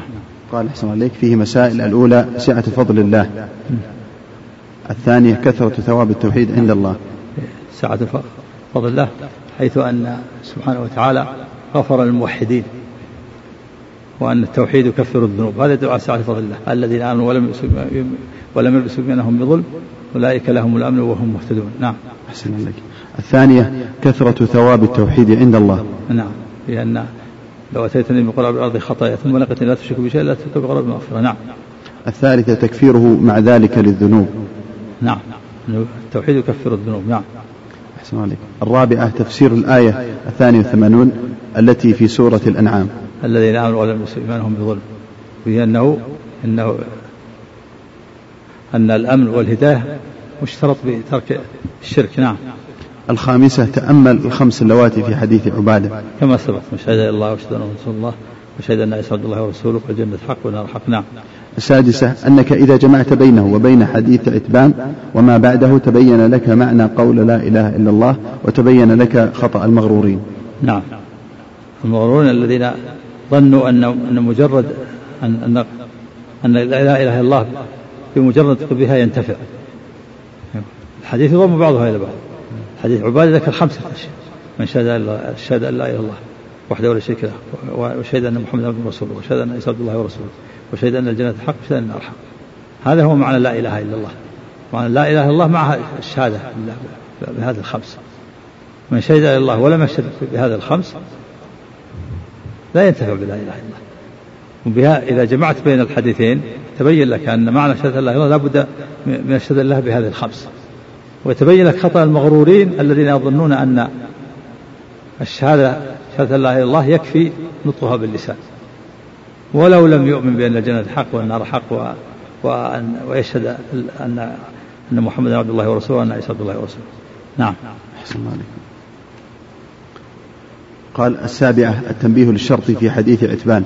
نعم في حديث عتبان اشترط ويقول يبتغي بذلك وجه الله الإخلاص شرط. من قال لا إله إلا الله يبتغي بذلك وجه الله لابد من هذا شرط. هذا يدل على أنه لا يكفي مجرد قوله باللسان نعم. أحسن الله عليكم. الثامنة كون الأنبياء يحتاجون للتنبيه على فضل لا إله إلا الله. إيه. لو من سؤال موسى قال يا ربي علمني دعاء أذكرك به. فلما قال الرب له قل لا قال يا ربي كل عبادك يقول هذا. يريد يعني يريد شيئا تخصني به. نعم. أحسن الله عليكم. قال التاسعة التنبيه لرجحانها بجميع المخلوقات مع أن كثيرا ممن يقولها يخف ميزانه. نعم. لأن هذا الشخص الذي رجحت قال عن صدق وإيمان قوي تصديقه وإيمانه. فأحرقت الشبهات والشهوات فتاب من جميع الذنوب والمعاصي. قال لا إله فلم يصر على معصية. ما مات مصرا على المعصية وإنما مات قالها عن قوة عن إيمان وصدق جازم. أحرق الشبهات والشهوات من قلبه فلم يبقى معه شبهة ولا شهوة. فقال فقالها عن إخلاص وصدق وتوبة نعم. أحسن الله قال العاشرة النص على أن على أن الأراضين سبع كالسماوات. نعم. لو أن السماوات سبع لو أن السماوات السبع والأراضين كنا في كفة وهذا كقوله تعالى الله الذي خلق سبع سماوات ومن الأرض مثلهن. قوله عليه الصلاة والسلام من ظلم قيل شبر من الأرض توقف يوم القيامة من سبع أراضين أدلة هذا كثيرة الأرضين سبع كما أن السماء السبع. نعم. أحسن الله عليكم. الحادية عشرة أن لهن عمارة. من قول لو أن السماء سبع وعامرهن غيري. إذا لهن عمار وهم الملائكة الذين يعمرونها بطاعة الله. نعم وعبادته. نعم. وأرواح الأنبياء كذا. يقال أحسن يقال أرواح الأنبياء. إيه، أرواح الأنبياء في نعم في الليل هذا وجمع إلى النبي صلى الله عليه وسلم. وأرواحهم أرواح المؤمنين تتنعم في الجنة. نعم والجنة في أعلى عليين نعم. أحسن السماء في السماء. الجنة في السماء. الثانية عشرة إثبات الصفات خلافا للأشعرية. نعم إثبات الصفات خلافا للأشعرية. لا لأنه لابد من الخوف ولا بد من الرجاء. اليوم بالجنة والنار لابد من الخوف والرجاء. والخوف لابد في إثبات الأسماء والصفات. اعلموا أن الله شديد العقاب وأن الله غفور رحيم. الغفور الرحيم هذا في إثبات اسم المغفرة والرحمة. الغفور الرحيم وهي مشتملة على الصفات الغفور الرحيم. وكذلك شديد العقاب كذلك اعلموا أن الله شديد الخوف. لابد أن يكون خائفا وراجيا. نعم. فلا بد من إثبات الصفات خلافا للأشعرية والمعتزلة كذلك باب أولى. الذين يثبتون الأشعرية يثبتون سبع صفات لكن يكون بقية الصفات؟ نعم. أحسن عليك. هذا يستفاد من قوله في الحديث القدسي أتيتك بقرابها مغفرة. أتيتك بقرابها مغفرة. نعم. يؤخذ من الخوف والرجاء الخوف والرجاء وخوف الله ورجاءه يقتضي أن له أسماء وصفات يخاف ويرجى. الحمد لله رب العالمين الرحمن الرحيم هذا في الرجاء مالك يوم الدين. الخوف النصوص والآيات التي فيها إثبات أسمائه مشتملة على على الصفات صفة الرجاء غفور رحيم غفور هذا إثبات اسم الغفور الرحيم. مجتمع على صفة المغفرة والرحمة. إذا فيه رجاء. والخوف علم أن الله شديد العقاب. هذا مشتمل على مشتمل على أن الخوف أن الإنسان يخاف ربه ويخشى عقوبته. إن ربك لبالمرصاد. نعم. فمن لا يثبت الأسماء والصفات لا يخاف ولا يرجو. نعم. أحسن قال الثالثة عشرة أنك إذا عرفت حديث أنس عرفت أن قوله في حديث عتبان فإن الله حرم على النار من قال لا إله إلا الله يبتغي بذلك وجه الله إنه ترك الشرك ليس قولها باللسان. إيه. يعني جمعت حديث أنس حديث عتبان يقول ما حرم الله ما إن الله حرم على النار من قال لا يبتغي بذلك وجه الله. إخلاص هذا. وحديث أنس فيه ترك الشرك. لو أتتني بقراب الأرض خطايا ثم لقيتني لا تشرك به شيئا لا تشرك بقرابها مغفرة. إذا الإخلاص معناه يقتضي ترك الشرك. يبتغي هذا الإخلاص. والإخلاص لا بد من ترك الشرك بدليل حديث أنس. ثم لقيتني لا تشرك بي شيئا. فالجمع بين الحديثين يدل على أن الإخلاص لا بد فيه من ترك الشرك. نعم. وأنه لا يكفي قولها باللسان. نعم. الرابعة عشرة تأمل الجمع بين كون عيسى ومحمد عبدي الله ورسوليه. نعم. قالوا وأن محمد عبد الله ورسوله وأن عيسى عبد الله كل منهما عبد. عبد ورسول ليس بإلهين. بل هما عبدين لله ورسولين نعم. أحسن الله عليكم. الخامسة عشرة معرفة اختصاص عيسى عليه الصلاة والسلام بكونه كلمة الله. يعني, يعني مخلوق بكلمة كن. خلقه الله بكلمة كن أرسل بها جبرائيل فنفخ في درع مريم. اختصاصه بكونه كلمة كن لأنه مخلوق بالكلمة بكلمة كن. ليس له أب. نعم. السادسة عشرة معرفة كونه روحا منه. نعم. عيسى روح منه يعني روح من الأرواح التي خلقها. والإضافة للتشريف والتكريم. نعم. السابعة عشرة معرفة فضل الإيمان بالجنة والنار. من حديث عبادة والجنة حق والنار حق وأنه لا بد من وأن لا يصح الإيمان إلا بذلك حيث جعلها من الإيمان بالجنة والنار من الخمس. نعم. على هذا يكون المعتزلة ناقص إيمانهم نعم. المعتزلة أحسن عليك الذين ينكرون وجودها في الدنيا. لا هم يؤمنون بس يقولون أنها يؤمنون بالجنة والنار لكن يقولون أنها تخلقان يوم القيامة. ما تخلقان لا ما وجودهم الآن ولا عبث ولا ولا ولا جزاء عبث والعبث محال على الله. يعني يكون نقص في إيمانهما بالجنة. ما في شك نقص في إيمانهم كونهم لم يؤمنوا بالصفات ولا يؤمنوا. في في مخالفتهم للنصوص نقص في الإيمان. نعم. أحسن الله عليك. الثامنة عشرة معرفة قوله على ما كان من العمل. يعني مات على التوحيد دخل الله الجنة على ما كان من صلاح وفساد لكن مات على مصرا على الكبائر فهو تحت مشيئة الله. وإن مات على إيمان لا يصر فيه المعاصي على الكبائر دخل الجنة من أول وحدة. التاسعة عشرة معرفة أن الميزان له كفتان. نعم له كفتان. خلاف المعتزلة القائلين بإنكار الميزان ويقول الميزان ليس هو ميزان حسي وإنما ولا يحتاج الميزان الحسي إلى البقال والفوال. أما الرب فلا يحتاج إلى الميزان الحسي وإنما المراد به العدل. هذا في رد عليه قال له كفتان. لو كانت لو أن السماوات السبع والأرض السبع في كفة ولا إلا في كفة فهو ميزان حسي له كفتان حسيتان. جاء في الحديث أن أن أطلاقه أن الكفة أعظم من أطلاق السماوات والأرض. نعم. العشرون معرفة ذكر الوجه. قل يبتغي بذلك وجه الله؟ في إثبات الوجه لله. والمراد الإخلاص. في إثبات الوجه لله. ومعنى يبتغي وجه الله يعني يريد الإخلاص. يبتغي يقصد الإخلاص لله عز وجل. باب من حقق التوحيد دخل الجنة بغير حساب. وفق الله الجميع.